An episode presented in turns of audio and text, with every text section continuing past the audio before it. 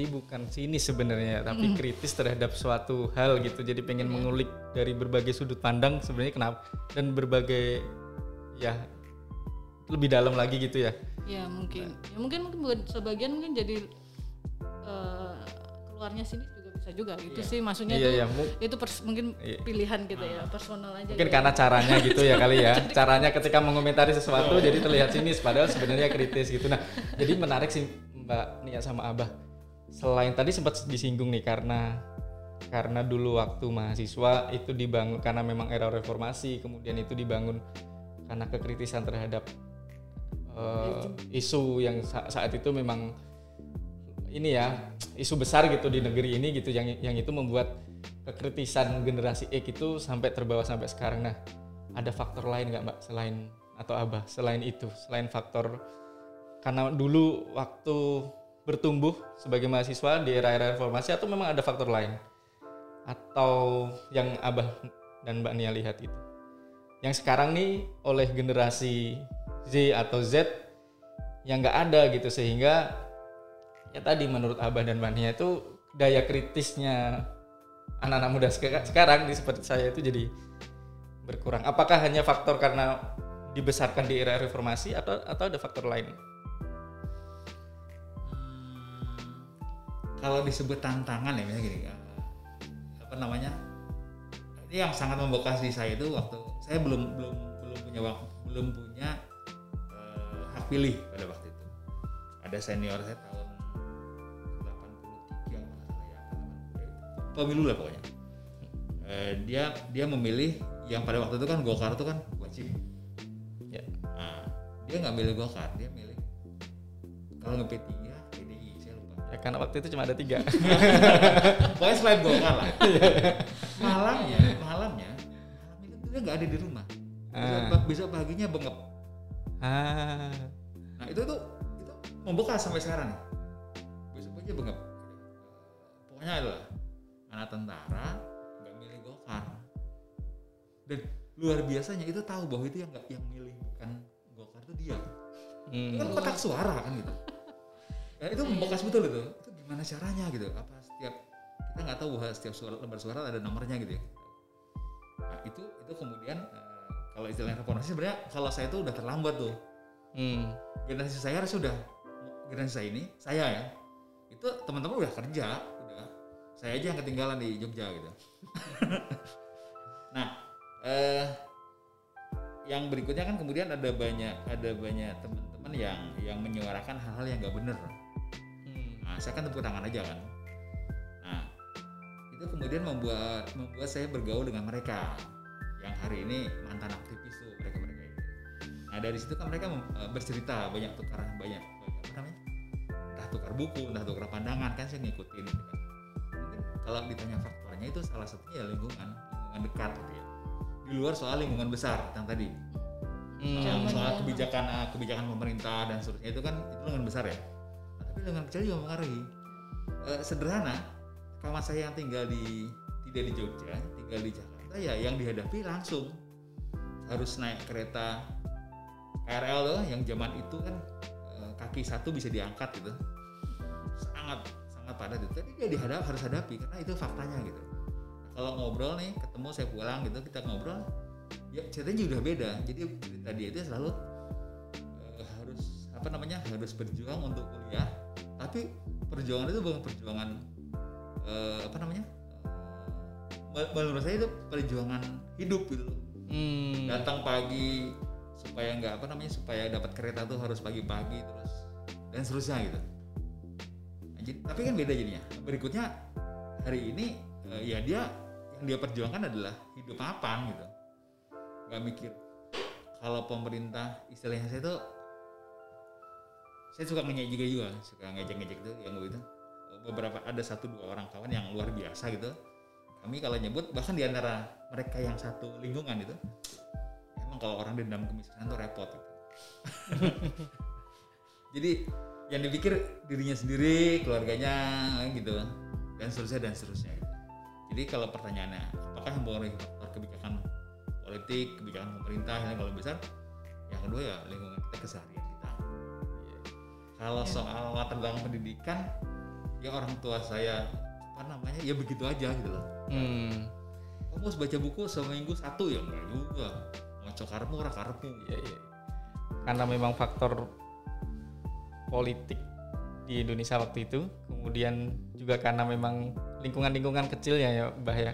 Lingkungan ke- kecil yang membangun Iya, iya. yang membiasakan untuk kritis terhadap ter- terhadap sesuatu dan juga memang kondisi ketidaknyamanan bukan mungkin ketidaknyamanan ya karena memang hal-hal beberapa hal yang harus diperjuangkan ketika tadi mau kuliah aja perjuangannya luar biasa luar biasa gitu. Dan itu juga membangun daya kritis terhadap sesuatu. Mbak Nia mau nambahin Mbak? Iya mungkin juga soal pendidikan. Masih eh, standar pendidikan di zaman kita kan udah baik gitu ya. Semua eh, orang tua tuh menyekolahkan kita sampai eh, di kuliah gitu ya. Itu juga mungkin apa eh, sebagai background latar belakang besar kenapa kita apa cukup kritis selain soal soal kita ada di zaman yang seperti itu. Tapi bahwa kita banyak yang ada di kampus gitu tuh juga ikut bahkan yang nggak aktivis pun juga jadi apa terdorong juga untuk untuk ya karena ada di kampus kan ada diskusi-diskusi ada kegiatan-kegiatan gitu. Lalu mungkin yang yang membedakan dengan yang generasi setelah kita mungkin soal eh, kalau istilah abah tadi ketidaknyamanan di generasi kami mungkin yang sekarang tuh lebih lebih nyaman gitu ya lebih banyak kemudahan akses akses akses buku akses apa pun tuh gampang. Nah kalau kita kan dulu kayak ada perjuangannya gitu ya cari ilmu tuh apa eh, nyari buku apa itu susah sekali. Nyarinya di mana? Akhirnya fotokopi sama teman-teman yang punya gitu gitu tuh. Kayak itu jadi apa ya membuat membuat kita tuh mungkin jadi kayak merasa spesial tadi eh, itu Iya, terkait juga gitu. walaupun salah fotokopi belum tentu dibaca juga gaya dulu ya. Kayak gitu tuh mungkin ada pengaruhnya sedikit ya. Oh uh, aku sih kayaknya sering beberapa dengar teman yang mungkin seusia terus ngomongin soal generasi di bawahnya gitu ya millennials yang bekerja dengannya tuh yang bilangnya apa "Ah, mereka tuh kok uh, nggak mau kerja keras sih zaman kita dulu ya selalu selalu Iya, iya, iya. membanding-bandingkan dengan zaman kita yang sudah bekerja keras dulu mencari hal-hal kayak gitu aja sulit sekarang kan semua tersedia dengan mudah gitu ya mungkin itu di satu sisi kemudahan mungkin jadi challenge juga untuk untuk apa mengasah kritis tadi ya Ketidakmudahan yang dialami oleh Abah dan Mbak Nia waktu itu yang membuat merasa, merasa lebih lebih baik. kritis gitu ya terhadap sesuatu. Oke. Iya, kita nanti kalau udah ngobrol sama generasi Z coba atau Z ya kita coba konfirmasi bener nggak sih gitu. Apakah kemudahan-kemudahan yang ada itu membuat mereka jadi lebih instan terhadap keinginan men- Iya. mendapatkan sesuatu gitu. Iya. dan ya waktu itu emang kalau kita hidup sekarang tuh kayak ngeliat anak-anak kita itu kayak hidupnya tuh cepet banget gitu ya bah dulu tuh kayaknya kita baca buku nggak ngapa-ngapain aja tuh ya nggak apa-apa gitu maksudnya lama takes time untuk melakukan sesuatu itu nggak masalah tapi sekarang tuh kayak lihat anak saya tuh kayak nggak bisa apa nggak bisa menikmati apa yang dikerjakannya dengan benar-benar gitu habis habis dia baca apa langsung loncat ke mana. Loncat ke mana ini gimana sih? Kayak gitu tuh nggak tahu. Mungkin tuh menarik nanti kalau kita ketemu sama jenjang Generasi lain ya, lain gitu ya. Siap, siap, siap. Oke, terakhir nih, terakhir. Eh tadi udah tiga. Terakhir terkait menghargai informality. Bener nggak kalau misalnya generasi X itu lebih menghargai dengan ya lebih yang yang informal aja gitu. Dibanding mungkin generasi sebelumnya atau generasi setelah min- min- meaning ke mana nih? Kalau kalau dalam style gitu, dalam dalam apa sih keseharian gitu. Kalau buat saya apa ya? Eh, mungkin bandingannya dengan sebelumnya dulu ya. ya Kalau sebelum itu kan eh, orang tua nih terutama itu kalau mau keluar rumah tuh kan luar biasa rapinya tuh persiapannya tuh serius tuh, ya kan? Harus serius. Mungkin karena itu kita nggak suka. Jadi Hmm. kalau mau keluar ya keluar aja gitu kan. Ya kalau pakaian pantas ya sepantasnya saja gitu. Nah, eh, dulu kan kalau kalau pakai batik nih eh, cenderung misalkan banyak warna gitu. Jadi saya nggak tahu kalau orang tua tuh kalau pakai batiknya agak-agak biru gitu. Bawahnya pakai yang biru, nanti selenengnya yang biru gitu. ah, Jelek atau enggak saya nggak tahu juga kan pada waktu itu ya. Tapi gara-gara itu kan ya nah, terus pakai jin dengan batik kenapa gitu. Dan ternyata teman-teman segenerasi saya itu ya begitu Gitu, juga ya. gitu ya ya jin batik gitu kan kemudian eh, ya pokoknya gitulah malah dianggap keren ya Pak? Oh, malah malah oh, malah gitu. Terus kemudian bawah coklat atas biru ya biasa aja gitu loh. Hmm. Nggak ada masalah. Dan itu nggak ditemui ketika generasi sebelumnya. nggak ada. Kalau ya sepak mata saya sebelum itu nggak ada kayak gitu, gitu. Semua formal.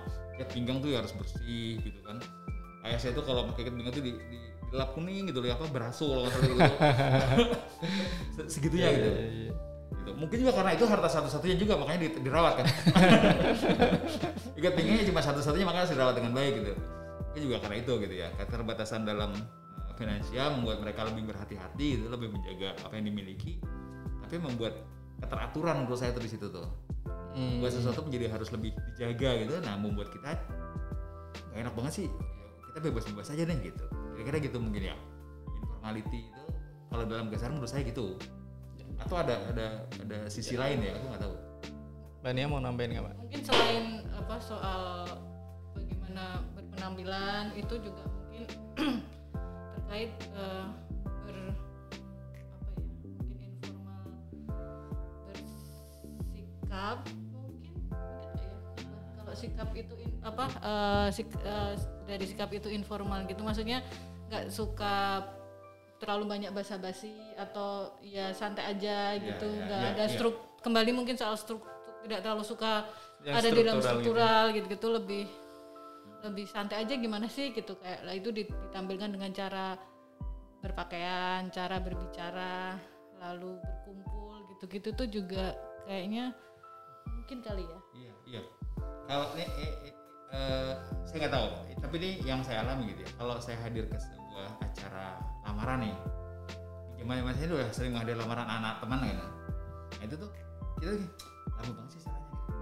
Gitu jadi punya mana yang formalnya mana? Di, di, di segera diselesaikan sudah itu udah udah bebas gitu loh. Hmm. gitu. Jadi eh, makanya kalau kita menghadiri kawan kawan me, kawan Medan, kawan Batak tuh itu buat kami tuh perjuangan tuh.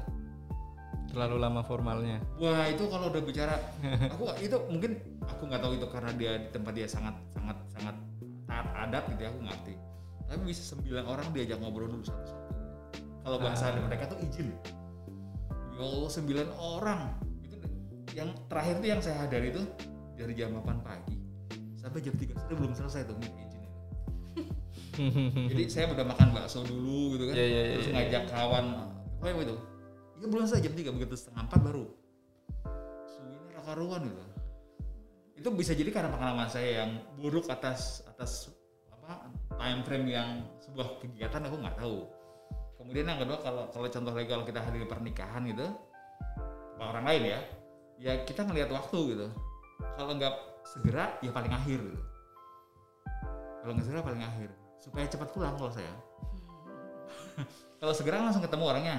Kalau paling akhir kan orang udah nggak banyak, kita bisa segera pulang. Dan beberapa kawan juga begitu. Jadi eh, bahkan formal makan formal itu ya nggak nggak nggak menjadi apa ya nggak luar biasa. Jadi kalaupun pernikahan makan di, di tempat, bagus gitu, ya itu hanya memenuhi keinginan "Eh, Bu, cobain tuh makan apa itu tuh coba Ya, tapi saya nggak dan ternyata nggak cuma saya gitu Hmm. beberapa aja gitu ya kalaupun makan ya hanya nyoba aja pengen tahu gitu Jadi nggak suka acara formal, Nggak suka nggak formal. yang formal-formal gitu ya. Jadi ya, ya, ya. Kalau yang saya ingat banget tuh mungkin waktu kuliah gitu nampak banget gitu ya, Pak. Dari bagaimana kita eh, datang ke kampus, bajunya gitu-gitu, Itu santai banget gitu. Eh, itu kan kayak wah asik banget. Lalu sama apa dosen-dosennya juga nggak yang kayak dengan Oh, guru iya. gitu ya dengan guru aku ya nggak tahu apa namanya eh, itu karena kita udah rema- udah lebih dewasa atau enggak itu apa eh, aku juga enggak terlalu paham tapi mungkin dalam konteks eh, yang paling kelihatan sih dari cara memilih bagaimana kita berpakaian gitu berbicara bergaul dengan teman tuh kayaknya kayak gitu sih lumayan mungkin mewakili yang gen- generasi kami gitu Jadi bener ya kalau misalnya stereotip bahwa generasi X itu lebih suka informality gitu. Kalau menurut Abah dan Mbak Nia bener ya. Sepakat ya dengan dengan untuk, itu. ya untuk Untuk ya, ya.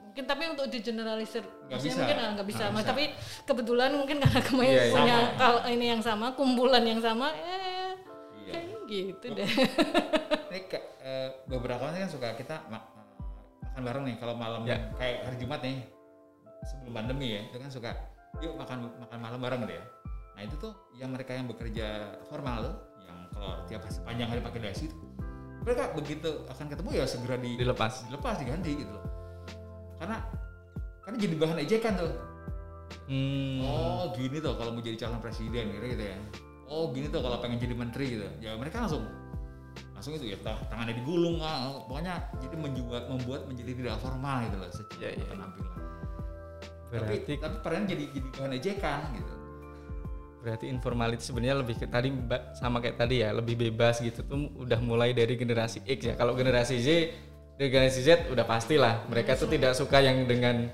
sesuatu yang formal, yang terstruktur, yang Iya, iya. tapi ternyata kalau aku tuh mengiranya itu Mbah Mbak Nia itu mulai dari generasi Z gitu. Generasi milenial ternyata dari generasi X pun sudah su- juga sudah sudah begitu lebih Sudah. suka Ya. ke informality gitu dibanding yang formal. Iya. nah Ya. tadi kaitan dengan sinisme mungkin buat saya itu yang yang sekarang ini kelebihan juga kebablasan istilahnya Oh, iya. Jadi ex bicara. gitu. Ah, ya, ya boleh lah nggak bebas-bebas gitu tapi kalau mau nikah tuh ya jangan pakai kaos gitu kira-kira gitu Ada kritis gitu Iya, ya, gitu. ya, ngelihat konteks gitu. Ah, Kembali soal konteks betul, ini di gitu. mana gitu. kalau anda diundang apa namanya rapat formal gitu rapat rapat formal betul gitu ya. Ya hargai orang lain kalau bahasa kita kan itu ya. Jangan kemudian eh, pakai batik kita pakai kaos gitu. Orang pakai sepatu rapi kita pakai sendal jepit itu ya ya menurut saya nggak orang toto tidak beretika itu mungkin juga kami jadi bangga di generasi kami itu gitu. Kita tahu tahu apa? Empan Tahu tempat, Nah, tahu waktu ya, gitu. ya. Oke baik baik. Nanti generasi Z dan generasi Z coba dikomentari ya. silakan bela diri gitu ya Ini kalau di YX ini kami generasi tertua ya yang yang Betul. Aduh, orang tua banyak salahnya emang. Emang orang tua itu kan selalu pengen ngomongin, bukan diomongin. Kayaknya menarik kalau nanti generasi Z X dan Y kumpul ngobrolin tentang stereotip-stereotip itu. Ini saya nggak membela diri tadi. Kamu generasi apa? Generasinya saya tidak membela diri ini. Terus coba mendengar. Oke, terima kasih Abah Eko dan Mbak Nia sudah cerita beberapa stereotip eh, terkait generasi X. Ada yang sepakat, ada yang enggak. Dan memang itu sebenarnya tidak bisa digeneralisir gitu ya. Banyak hal yang mempengaruhi, banyak fak- faktor lingkungan, faktor keluarga terdekat, bahkan mungkin faktor apa yang sudah dipelajari dan pengalaman-pengalaman yang sudah dialami ini yang eh, membuat ya bisa jadi benar stereotip itu bisa jadi enggak gitu. Dan memang benar stereotip. Kalau berdasarkan Mbak Nia sama Mbak Abah tadi ya stereotip yang selama ini ada terhadap generasi X itu memang tidak bisa digeneralisir. Gitu. oke terima kasih Mbak Nia dan Abah kasih. sampai ketemu lagi Oke, thank you.